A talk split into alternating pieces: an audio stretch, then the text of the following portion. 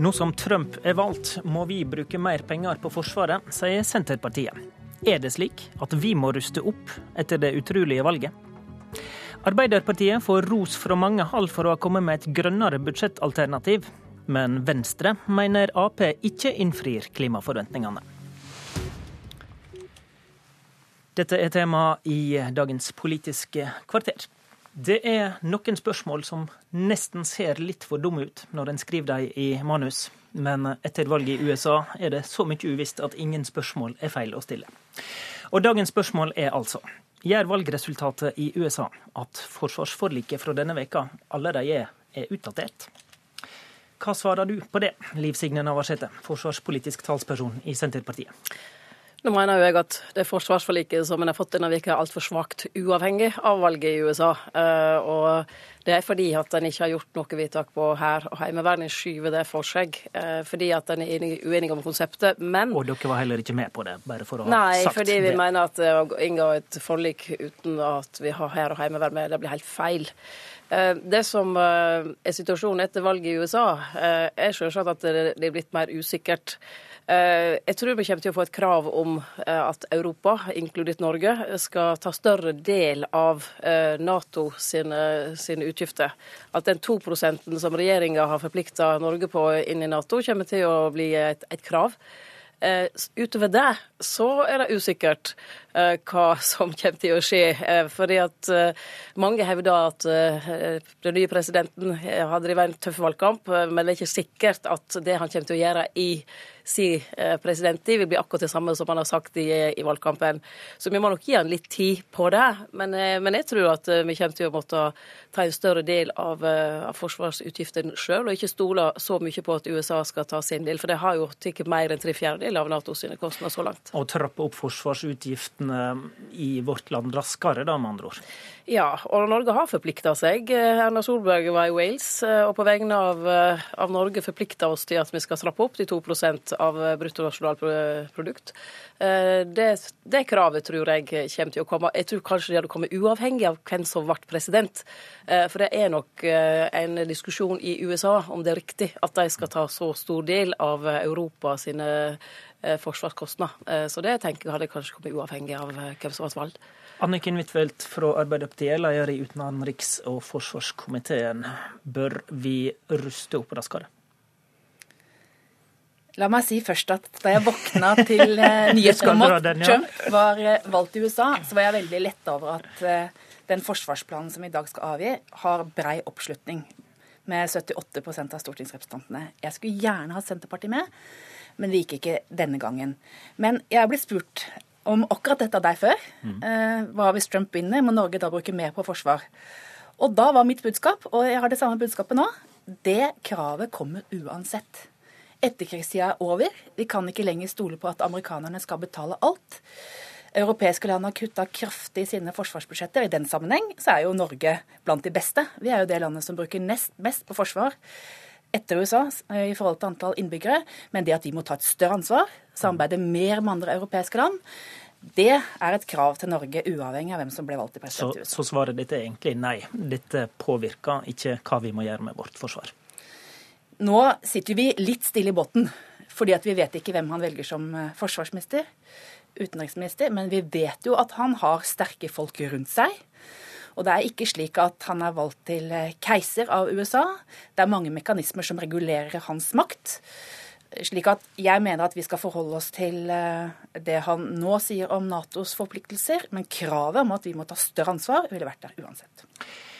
Kan vi stole like mye på USA som før, da, all den tid det nå er valgt en president som har dreget, eh, iallfall på et tidspunkt, eh, i tvil om han vil stille opp med de Nato-forpliktelsene som USA har?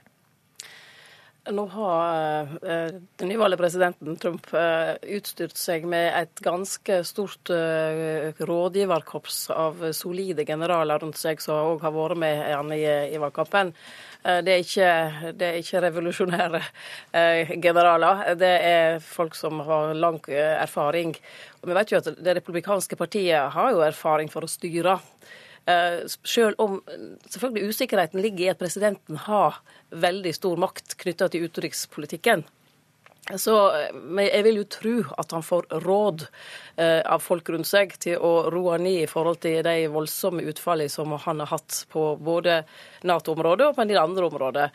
Eh, for Norge sin del så er det utfattelig viktig at vi bruker alle kanaler vi har nå inn mot USA på ulike nivå, eh, for å sikre at eh, USA blir den allierte som det har vært. For vi er et lite land.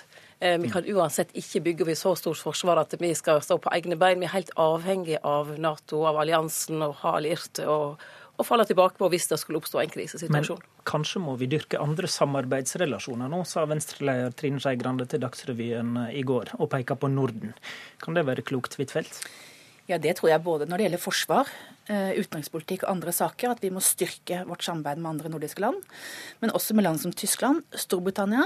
Så denne situasjonen fordrer jo et sterkere europeisk samarbeid.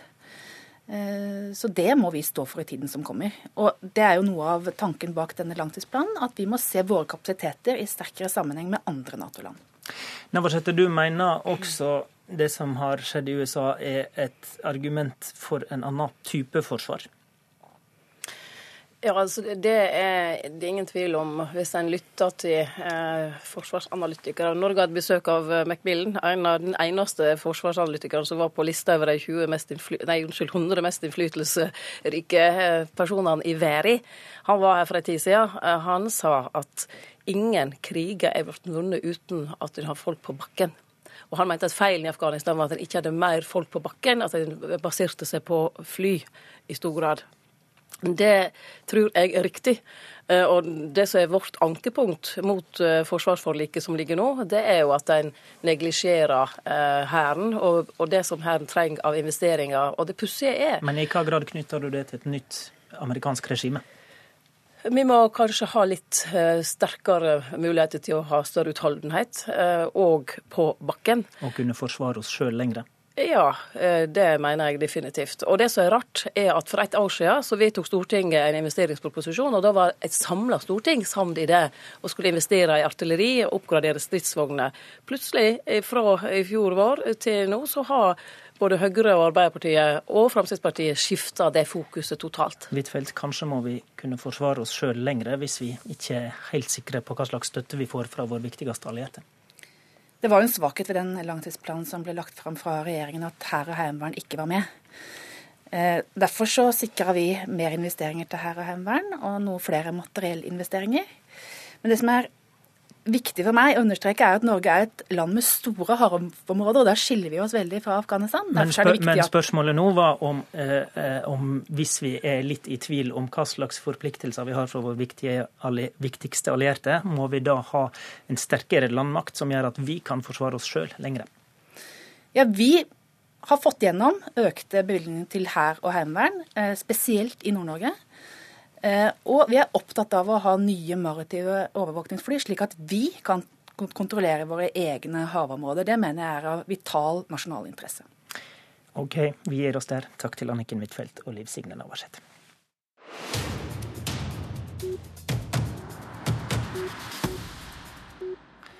Arbeiderpartiet har skapt store forventninger til at partiet skulle legge fram et ambisiøst klimabudsjett, men innfrir ikke.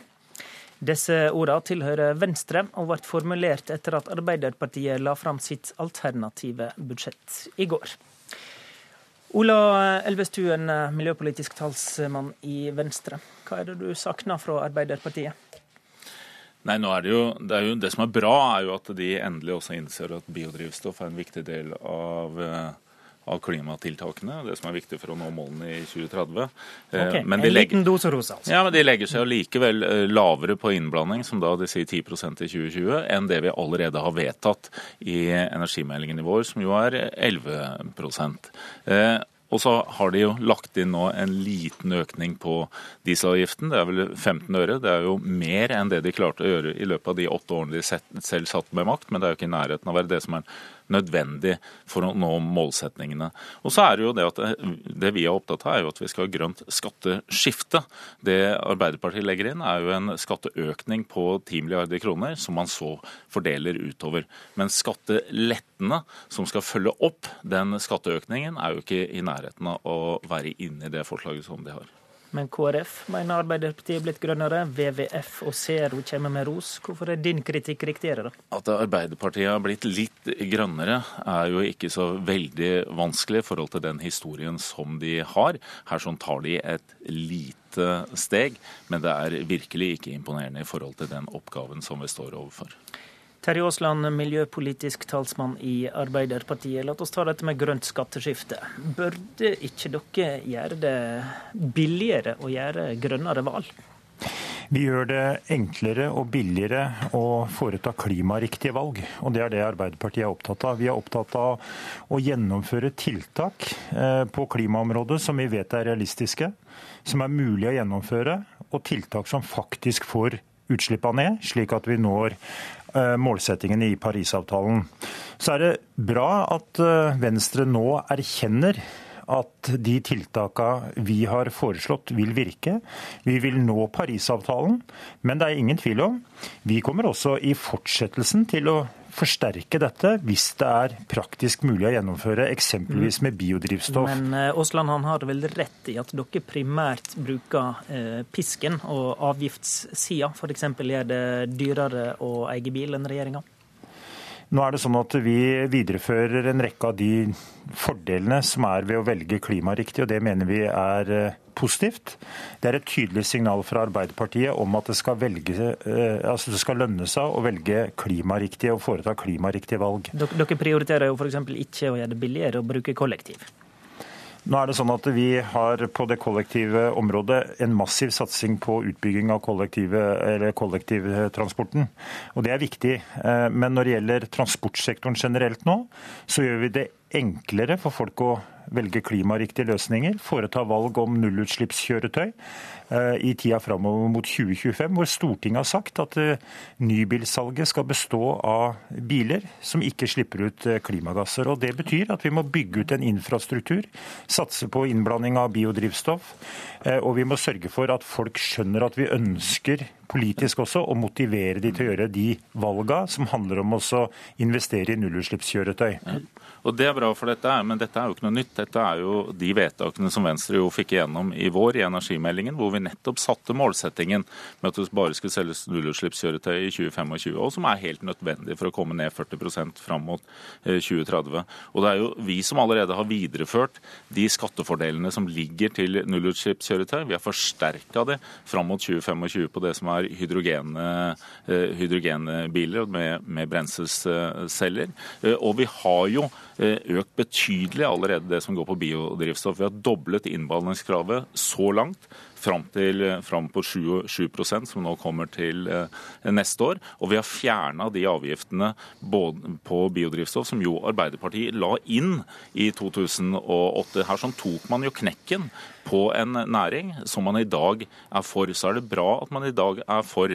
Men så er det jo det, helt, men, vesentlige, det helt vesentlige er jo at det vi passer på, både i forhandlinger og i egne budsjetter, er jo at når vi legger på avgifter, så skal vi også ha skattelettelser som er tilsvarende. Det har vi på personbeskatningen, det har vi inn mot eh, bedrifter, og vi har det også ved lettelser med miljø. Det prinsippet følger ikke Arbeiderpartiet, det er rett. Men eh, til en annen ting. Viser, mener du dette alternative budsjettet fra Arbeiderpartiet viser at det er mer for Venstre å hente på det miljøpolitiske i samarbeid med Høyre og Frp?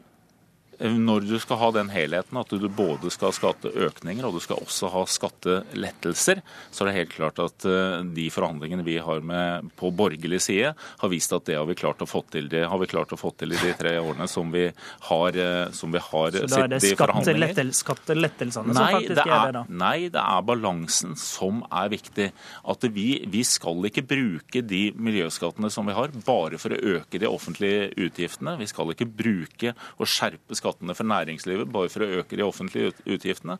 Vi skal gjøre, vi skal gjøre begge deler for altså, å få til nettopp det grønne skatteskiftet. Åsland, du har 15 sekunder. Ja, Venstre og Arbeiderpartiet har felles mål. Vi skal bringe klimagassutslippene ned. Arbeiderpartiets forslag i alternativt statsbudsjett vil gjøre det. Problemet til Venstre er ikke ambisjonen i forhold til klima.